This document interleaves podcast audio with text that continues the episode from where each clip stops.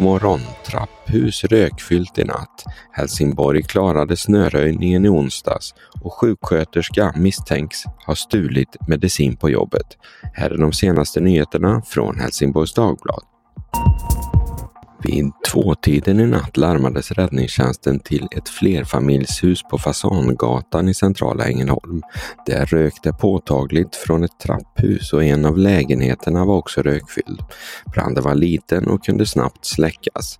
Det visade sig handla om någonting som brunnit utanför en lägenhetsdörr. Räddningstjänsten vädrade sedan ut lokalerna från rök.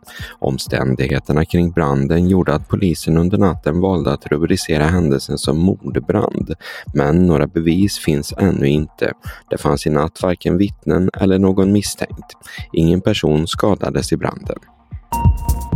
En sjuksköterska vid Helsingborgs lasarett misstänks för att ha tagit narkotikaklassade läkemedel från arbetsplatsen.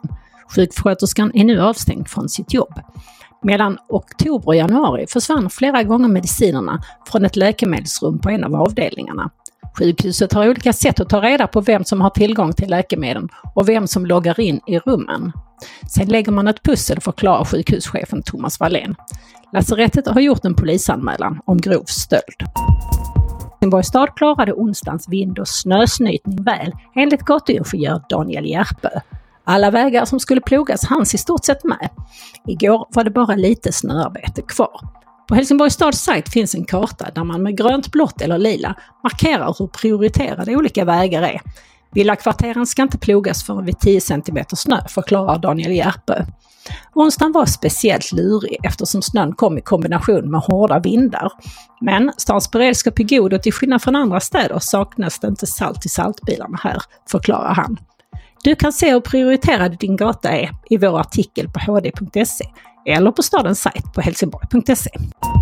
Och så har Sverige fått sin tredje medborgare i rymden. I natt svensk tid sköts Marcus Wandt upp i rymden från Florida i USA tillsammans med två kollegor. Han ska under två veckor utföra experiment på den internationella rymdstationen.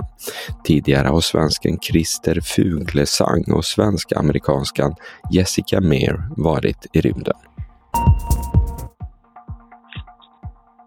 Reporter Stefan Linkvist. Efter veckans snösmocka så behöver jag något riktigt glammigt och roa mig med. Vad bjuder du på helgen?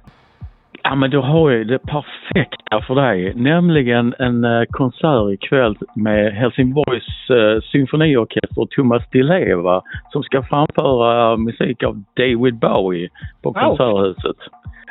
Eh, sen om vi går vidare till imorgon så är det inte mindre än två eh, teaterpremiärer. Dels är det på Stadsteatern, deras nya relationsdrama Nästa andetag med Gustav Berg och Elin Norin. Och så har Stumpenensemblen premiär på sin föreställning Hemmet. Och det är sista speldagen för Bröderna Lejonhjärta på Helsingborgs stadsteater. Och jag ska säga att Stumpen spelar på Dunkers det var väl eh, det som händer, det stora i helgen skulle jag säga. Det låter toppen. Tack så mycket. Vädret. Idag väntar en blandad väderdag. Under morgonen och förmiddagen väntas sol och en temperatur precis under nollan med måttliga vindar från väster. Under eftermiddagen och kvällen blir det molnigt och en plusgrad. Då kan det komma mindre mängder av snö eller snöblandat regn. Under lördagen och söndagen väntas temperaturen ligga strax över nollan. Det var allt från Helsingborgs Dagblad denna fredag. I studion Stefan Lindqvist, Peter Färm och Yvonne Johansson. Läs mer på hd.se. Vi hörs!